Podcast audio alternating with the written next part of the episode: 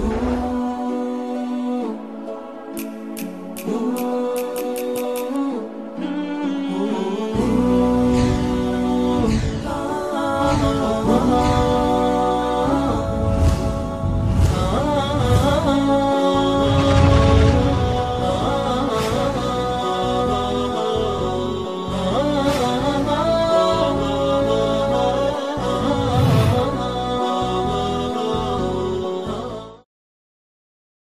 bismi illaahi raxmaan raxiim alxamdulilaahi rabbi alcaalamiin waasalaatu wasalaamu calaa rasuuliillah amaa bacd daawadayaal anigoo ah doctor cabdulaahi cabdicasiis faarax loo yaqaano doctor geney waxaan idinku soo dhoweynayaa barnaamij aan u magac darnay sidaan ku soo haleelay hanuunka ama haakada htadaytu barnaamijkaas oo aan ku waraysan doono xubno ka tirsan jamaacatu assaadicuuna bilxaq jamaacadaas oo ah mid u istaagtay in diinta ilaahi subxaana wa tacaala dadka ay gaarsiiso. Waxaan ka waraysan doonnaa qaabkii ay ku soo haleeleen hanuunkan. Yacnii noloshoodii intii ka horreysay inta ay diinta ilaahi subxaana wa tacaala aysan baran sida ay u noolaayeen oo ay maaragtay maxaa la lahaa ilaahi subxaana wa tacaala maarata kitaabkiisa iyo sunnada nebiga caleyhi salaatu wasalaam nolosha ay ku jireen sida ay uga dheereed iyo kadib sida ay ula noolaadeen xaqii markii ilaahi subxana wa tacaala uu soo hanuuniyey iyo weliba maaragtay sida waxyaabaha ay dadka la wadaagi doonaan oo dadka walaalahooda oo ay jecel yihiin oo diinta ilahi ugu yeerayaan waxa ay maarata rabaan inay la wadaagaan oo ay gaarsiiyaan. Barnaamijkaas caawa waxaa marti noogu ah ustaad maxamed cali mire oo ku magac dheer ustaad najiib. Ustaad najiib soo dhowaaw ustaad maxamed cali mire wuxuu ku dhashay magaalada gaalkacyo kun sagaal boqol konton iyo afartii halkaas ayuu qur'aanka ku soo bartay ilaa dugsiga dhexe kadib kun sagaal boqol toddobaatan iyo kowdii ayuu u soo wareegay magaalada muqdisho halkaas oo waxbarashadiisii ka sii watay ilaa uu dhammaysto dugsiga sare. Dugsiga sare markuu dhammaystay kadib wuxuu u wareegay haddana waxbarasho uu u aaday dalka sacuudiga gaar ahaan magaalada maka jaamacad ku taallo jaamacaddaas oo ah jaamacata umul qura. Wuxuu ka bartay kuliyatu dacwati wa usuuluddiin qaybtaas ayuu ka qalin jebiyey xaqan ilaahi subxaana wa tacaala maarata uu waafajiyu intaas ku noolaay. Caawa barnaamijka asaa marti noogu ah. Ustaad najiib haddaan iska bilaabano barnaamijkeenna su'aal ayaan ku weydiin lahaa. Ilaahi subxaana wa tacaala wuxuu kugu manaystay in diintan islaamka iyo wanaaggeeda iyo qur'aanka iyo inuu ilaahi subxana wa tacaala ku waafajiyey inaad barato. Intii aadan baran ama aad hanuunkaas helin ka hor yacni inaad wax nooga sheegto noloshaadii sida ay ahayd markaas ka hor بسم الله الرحمن الرحيم الحمد لله رب العالمين والصلاة والسلام على أشرف المرسلين سيدنا محمد وعلى آله وصحبه وسلم أجمعين وبعد دكتور waa mahadsan tahay runtii saad sheegtay waxaan kusoo koray gaalkacyo yaraantaydii qofkuna suntii wuxuu u nool yahay bay-ada ama yani meesha uu ku koray wixii markaa yaalla unbuu asaguna ku koraa waalidku badanaa waxay ku dadaalaan ilmaha inay dugsi geeyaan oo qur'aanka laftigiisa la baro. Marka dugsi baana la geeyey. Dugsigii intaan dhiganaya haddana iskoolka haddana la igu daray. Badanaa marka dugsiga waa la isku dilaa waxaan jeclaan jiray iskoolka inaan maaragtay aan u go-o. Sidii baa ilaahay qadaray. Iskoolkaan maaragtay u soo wareegay. Marka marka haddii la soo qaangaaro ficlan bes yacnii qofka bay-adaasu ku nool yahay waxaa weeye inta badan qof diin sax ah oo sida ay ilaahay subxaana wa tacaala xaggiisa uga timid kuu sharxaya badanaaba inaad helin baa dhici karta. Marka sida dhallinyarta u nooshahay un u noolayn waxaa weeye hadafka keliyao nolosha aan ka lahayna waxay ahayd bes inaad wax jaamacad ka soo baxdo markaa ka bacdi maaragtay aad noqdo nin shaqaysta keliya intaa keliya unbaa maaragtay naga hor nolosha intaa keliyaan ka fakari jirnay waxaa weeye waalidku salaaduu ku farayaa laakiin shinimadaada iska gelaysaa waxaa waaye dhallinyartaada waktiga yani badankiisa xayaatada wuxuu isaga dhumayaa ama hurdo ama cayaar ama banooni intaas unbaa maaragtay. Nolosha ahdaafta keliya aan ku noolayn waxay ahayd bes waay weeye inaad bes yacni duruustaadana aad ka baxdo shineemadaada iska gasho magaratay iska maaragtay waktiga badankiisa aad ku dhumiso wax aan noloshaada aan faa'iida u wax u tarayn. Marka qaabka keliya aan u noolayn oo aan ka fakari jirna wuxuu ahaa bes waxbarasho dhammayso dibadda aad jaamacad soo baro oo weliba jaamacad maadiya maaha jaamacad islaamiya ma ahan laakiin inaan wax soo baranno oo ama doctor noqoto ama injineer noqoto oo markaas aad maaragtay waddanka ku soo noqoto shaqaysato xoogaa yar lacaga qaadato noloshaas keliya barano yani- ha usradana usro saas ficilan waxaa weeye walaalaha iga waaweynaa baa dariiqaas wada qaaday. Marka dhankaas baa ana tiigsanayo halkaas baan rabay nolosha inaan ka galo maarata waalidkan halkaasi juhdiga ay ku bixineen. Xoogga keliya nala saaraya nolol ah. macnaha see ah dadka aada la nooleed iyo waxyaabaha ay aaminsanaayeen iyo dhaqankooda sidau ahay. Dabcan adi waxaa ka tirsaneed maaragtay dadkaas ayaad ka mid tahay arday iskuul dhigta ahayd yacni waxyaaba waxaa jira markaa dadku ay aad ugu maaragtay noloshooda o dhan ugu mamanaayeen ama xag eh, muctaqadaad ha ahaato ama xag maaragtay maxaa la lahaa eh, nolol kaloo iska maadigaas ah. Yacni noloshaas macnaha ma noo suurayn kartaa? Yani xaqiiqatan waxaa weye waalidka badanaaba waxaa israaci jirnay masaajidkan isu raaci jirnay. Badanaaba marka hadde masaajidka waxaa weye suufiye unbaa waddanku maaragtay. Ayaa loo badnaa. Masaajidka jaamaca oo gaalkacyo ku yaalla ugu weyn baan tegi jirnay marka habeenada qaarkood oo maaragtay xadradaan ka qayb geli jiray runtii meeshaasaan ka soo xadrayn jiray ma garatay. Aabbahay badanaaba isaga saalixiyu ahaa laakiin masaajidka qaadiriya maamuli jirtay. Laakiin masaajidka aad buu i dhihi jiray marmar baa maaragtay aan ka soo xadrayn jiray oo masaajidka aan tegi jiray. Marka xagga diinta marka la fiirsho waxay ahayd keliya bes inaad maaragtay masaajidka tagto oo ku soo xadrayso oo habeenkii maaragtay aad ka soo noqoto marka xadra soo dhammaato. Jaanibkaas keliya unbaa maaragtay xag diin ahaan markii la yidhaahdo xagga kalena haddee waxaa waaye dhankii maadadiina dhallinyartaada iyo waxyaalaha ihtimaamaadka ah oo eh, noobalo inaad akhrisato si ingiliishka maarata luqadiisa aad ugu ficnaato ma garata ingiliishka iskoolkana qaybta ingiliishka ayaan yani dhigan jiray oo ka baran jiray maarata marka bay-ada nolosheedu noloshaas unbay ahayd maarata marka noloshaasaad ku nooleed macnaha yacni dadkaasaad ka mid aheyd oo hamigaada kuwaad waxay ahayd inaad waxbara- waxbarato waxbarashada maadiga ah yacni shalamadaa iska geli jirtay yacni wax oo dhib hay kugu haysana malaha aada ugu faraxsaneed noloshaas markii aad ku nooleed. Dabcan hadda ilaahi subxaana watacaala noloshaas wuu kaa soo bixiyey. Yacni waxyaabaha marka kugu saaciiday ama kugu dhaliyey inaad inta marxaladaas ka wareegto aada u liidata ama hooseysa yani marxalo kale aad soo gasho ilaahi subxana watacaala hanuunkan aad maanta haysato oo aad ku nooleed intaasoo sano aa, yacni ilaahi subxana watacaala uu ku siiyo. Yacni eh, ma noo taaban kartaa iyadan? Tor waa mahadsan tahay su'aal fiican weeye runtii gaalkacyo horta markaan ka soo wareegay waxay ahayd toddobaatan iyo kowdii toddobaatan iyo labadii sanadkaas oo dugsiga waxbarashada. Ah marka markaa galaaska sideedaad baan xamar u soo wareegay. Bes galaaska sideedaad marka imtixaankiisa wuxuu ahaan jiray imtixaanka guud oo soomaaliya oo dhan hal imtixaan baa laga qaadi jiray. Marka waxaan aad ugu dadaalayay maadaama aan gobol ka soo wareegay in aan maaragtay yani kaalin fiican ka qaato oo eydka aan uga baxo buundo fiican waagaasna secondariga ardayga fifty ka sarreeya keliya baa loo ogolaa laakiin wixii fifty ka horreeya ama konton ka hooseeya dugsiyo farsamaa loo leexin jiray. Marka arday kasta wuxuu ku dadaali jiray buundadiisa inay konton iyo wixii ka sarreeya noqoto.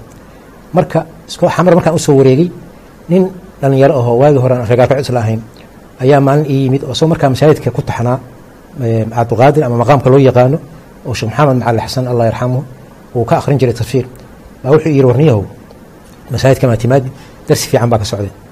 Ninkaas warkiisa ima gelin marka maxaa yeelay wax ahmiyad oo igu hayay lama arko. Waxaan ka fakarayay eydka marxalo culus weeye oo maaragtay dadaal u baahan ninkan yuu diin iyo wax kugu mashquulin ma garatay? Marka adiga si aad eydka uga baxdo yacni arrintii ninkii ii bandhigay waxba kama soo qaadin. Ilaahay wuxuu qadaray marka eydkii baan ka baxay fooman baan noqday iskuolka fifteen may oo markaa dugsi sare ahaa foom toogaygii ayaan habeen gabar walaasheeya oo ceelgaab deganayd ama isku raran waagaas la ohan jiray meeshaas hadda oo dadkii laga raray waagaa hore ayaan u socday. Maqribkii baa wuxuu igu qabtay masaajidka maqaamka. Markaas waxaan sii masaajidka ku tuko markaa salaadda maqrib ka baxdo walaashaa hore u sii aad. Maqrib markaan tukaday ayaa dadkii waxaan arkay fariistay oo kitaabo soo qaatay. Markaasaan is iri bal xoogaa fiiri. Markaasa waxaan arkay sheekh macali xasan oo kursi ku fadhiya oo tafsiir bilaabay. Bes anigana kitaab qur'aan aan soo qaatay. Dugsi waa hore igu dambeysay. Habeenkaa waxaa la marayay suurat wasaafaat suurat wasaafaat qur'aanka meelay kaga jirta ma aqoon. Maxaa yeelay dugsi waa hore igu dambeysay kitaab qur'aana waa hore igu dambeysay. Markaasaan anuu hadda baal iska gadiyo suuradda meelay jirta la ayaa oday dhinacayga fadhiya wuxuu yidhi war halkaanaa la marayaa maaragtay habeenkaa marka sheikha ilaahay haw naxariista wuxuu sharxayey wasaafaat qisada nabiyullaahi ibraahim. Nabiyullaahi ibraahim oo ilaahay subxaana wa tacaala siduu qur'aanka ku sheegay lagu imtixaanay wiilkiisii ismaaciil inuu gowraco. Markuu weliba haddee soo barbaaray oo yani isagoo weliba muddo aan maarata nabiyullahi ibraahim ilahay awlaad siinin. Sheekh maxamed aayado kooban oo nebi ibraahim ku saabsan ayuu fasiray. Habeenkaas aayadaha aad iigu dhegay oo runtii madaxayga ilaa yowmina haada noloshayda saamayn kule waxaa ka mid ahaa sheekha wuxuu dul istaagay nabiyullaahi ibraahim calayhi salaam falamaa aslama watallahu liljamiin falamaa aslamaha markay isdhiibeen oo watalla oo ledgey nabi ibraahim wiilkii oo ledgey bijabiini falama aslama macnaha nebiyullaahi ibraahim iyo nebiyullaahi ismaaciil calayhim assalaam markay ilaahay u hoggaansameen oo isdhiibeen oo imtixaankaas culus oo ambiyada ilaahay maahae ay cid kale iska soo bixi karin ayaa ilaahay ku imtixaanay habeenkaas sheikha aayaddaasoo aad u dul istaagay markii dambena wuxuu yidhi ilaahay uma soconin dhiigga daadinta ismaaciile khaliiluraxmaan oo nebiyullaahi ibraahim ah ayaa ilaahay subxana wa tacala wuxuu rabay inuu ilaahay u go'o keligiis oo u hoggaansamo arrintaasaana hadaf ku ahaa hadafkiina nebiyullahi ibraahim waa xaqiijiyey marka wafadaynaahu bidibxin cadiim ayuu yidhi ilaahay subxana wa tacaala ilaahay baa ku furtay markaas. Marka runtii habeenkii casharkii yani gabadhii walaashan u socdana waa iska daayey. Darsigii markuu dhammaaday gurigii baan ku noqday. Ilaa gurigii aan ka tegey waxaan ku fakarayey islaamka la iska rabo oo qofka muslimka laga rabo inuu yahay islaam. Ilaahay inaad isu dhiibto ilaahay inaad u hogaansato ilaahay inaad ka dambayso ilaahay inaad adeecdo amarkii allaha ku siiyo mid yar iyo mid weynba naftaada inaad meel iska dhigtid oo ilaahay ogaansatid habeenkii masaajidka waxaan kala baxay anoo macnahaasi aad iigu weyn yahay oo noloshaydii hore la yaaban oo isla warniyo masaanaad muslim ka ahayd. Ma garatay habeenkii ku xigayna masaajidkii casarkii dheeraa ayaan soo fadhiistay halkaa intii ka dambeysay masaajidkaan ku taxanaa maarata yacni aayaadkii tafsiirka laga bixinayo macnaha in isdhiibidda oo islaamka la qaato oo diinta ilaahi subxana wa tacaala dhab ah tahay macnaha noloshoo dhan oo ilaahi subxana wa tacaala keligii loo hogaamiyo. Oo yacni waxyaabaha qaarna meelo kale laga soo qaadan waxyaabaha qaarna aan kitaabkii laga qaadan laakiin istislaam falamaa aslama watallahu liljabiin yacni istislaam taam ah yani in loo baahan yahay. Adi marka taasaa kugu dhalatay halkaasaad waxaad ka bilowday maarata yacni in wixii hore oo aad ku jirtay in ay macnaha nolol wanaagsan inaysan ahayn kaaga soo baxday oo aad noloshaas ka soo wareegto oo aad nolol wanaagsan oo hadda aad halka kala jaan qaaday macnaha yacni masaajidkii aad tagtay iyo aayaadkii tafsiirkooda la bixinayay noloshaadii halkaasay macnaha ka sii bilaabatay xaqiiqatan saas wey habeenkaas waxaan go'aan ku gaaray iyo wixii ka dambeeyeba horta dadkii aan saaxiibka la ahay o dhan waa ka haray. Yacni dhalinyartii masaajidka dhalinyar ba iga soo horreysay masaajidka joogtay. Waxaan bilaabay raggaas inaan la saaxiibo noloshaydiina aan dib ugu noqdo oo aan idhaahdo wax walba maanta kabacdi wixii ka dambeeya noloshaada ilaahay subxaanahu wa tacaala diintiisa baro yacni iyo hirgelinteeda iyo ku dhaqankeeda noloshayda adiga. Ma garatay arday baan ahaa laakiin inta aan awoodo inaan noloshayda sal uga dhigo diinta islaamka qur'aanka iyo axaadiista ka bacdina waxaan ka helay niman dhallinyaro ah oo ayagana masaajidka ku taxnaa oo qaar waliba dugsiga sare ila dhigtaan fifteen may halkaasaan marka waxaan ka bilownay inaan iska la jaanqaado walaalihii masaajidka ku jiray iyo sheikhii darsigiisiina. Ilaahay subxaana wa tacaala sabab iga dhigay inaan dariiqaa soo qabsado oo aan markaas idhaahdo noloshaada ku sale marka.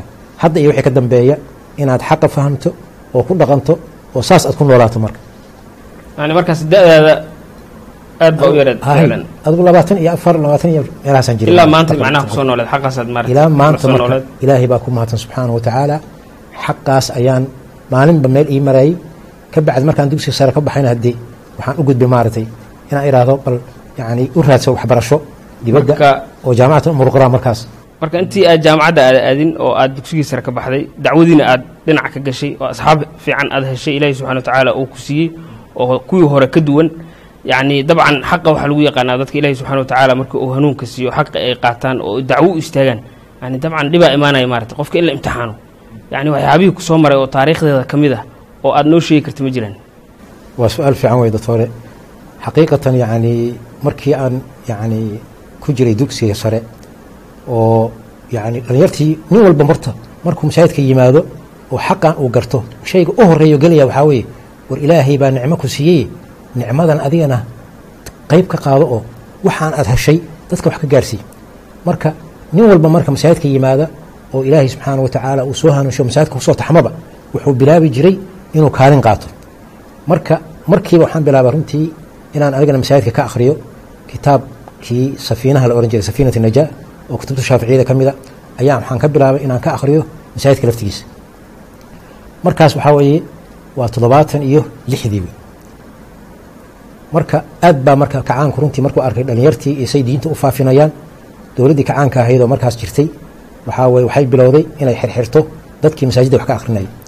Marka waxaan ka mid noqday dadkii waagaas toddobaatan iyo lixdii bishii may sagaal iyo tobankeedii ayaana ka qabtay masaajidka dhexdiisii oo waxaana la geeyey xabsiga laanta buur xabsiga laanta buur waxaan ku soo dhammaystay laba sano iyo bar. Soddon bilood oo kaamil ah ayaa waxaan ku jira halkaas. Markaa kabacdi ilaahay waa naga soo saaray xabsigii markaas waxaan bilaabay inaan marka waxbarasho aan dibadda u yani Ah, iyo waxaan wadnay waa maarata gudanaya maarata yani ayaa kacaankii u dulqaadan waayey. Waxay keentay marka in yidhaahdo dadka hala urursho waxaa lagu aamini karaa bes xabsiga in lagu hayo. Maxaa dadkiibay gaarsiinayaan xaqii ilaahay subxaanahu wa tacaala oo ku faafinaya taasaana dowladdu dhibsatay oo keentay markaas inay xabsigana lagu wado.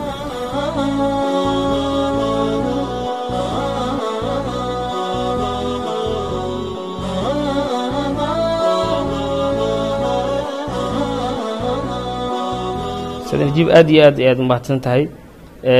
Laba marxalo aad soo martay ama laba nolol oo kala duwan aad soo martay ayaa noo suuraysay yani midna ilaahay subxaanahu watacaala maarata inuu kaa soo badbaadiyey midna inuu maarata ilaahay subxaana watacaala uu ku siiyey hanuun aad ku noolaato oo kitaabkii ilaahay subxaana watacaala waxaan dhihi karnaa saldhig waxa u ah yacni hanuunkaas ilaahay subxana watacaala uu ku sii qur'aankii oo u laabatay masaajidkii markii aad tagtay aayaadkii ku ta'tiiriyey macnaha waxay noloshaadi wax ka bedeleen inaad ogaato waxa u nooshahay.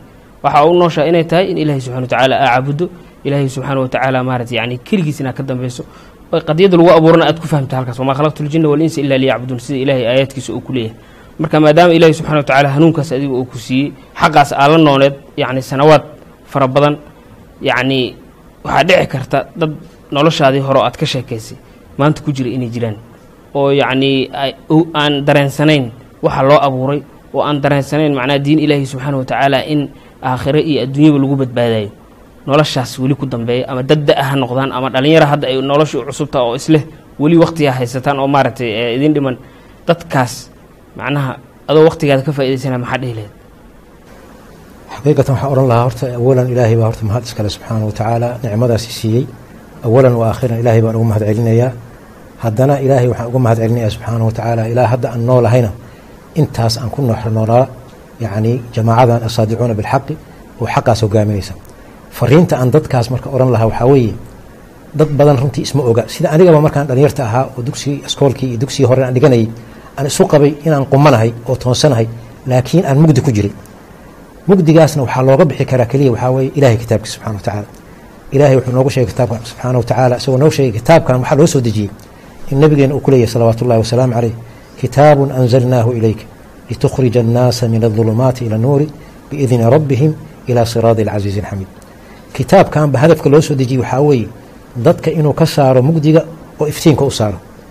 Xaqiiqatan farqiga ii baxay waxaa weeye waagaas noloshaan ku jiray inaan mugdi ku noolaa inaan wax fahamsanayn inaan alle saan u caabudi lahaa aana garanayni subxaana wa tacaala.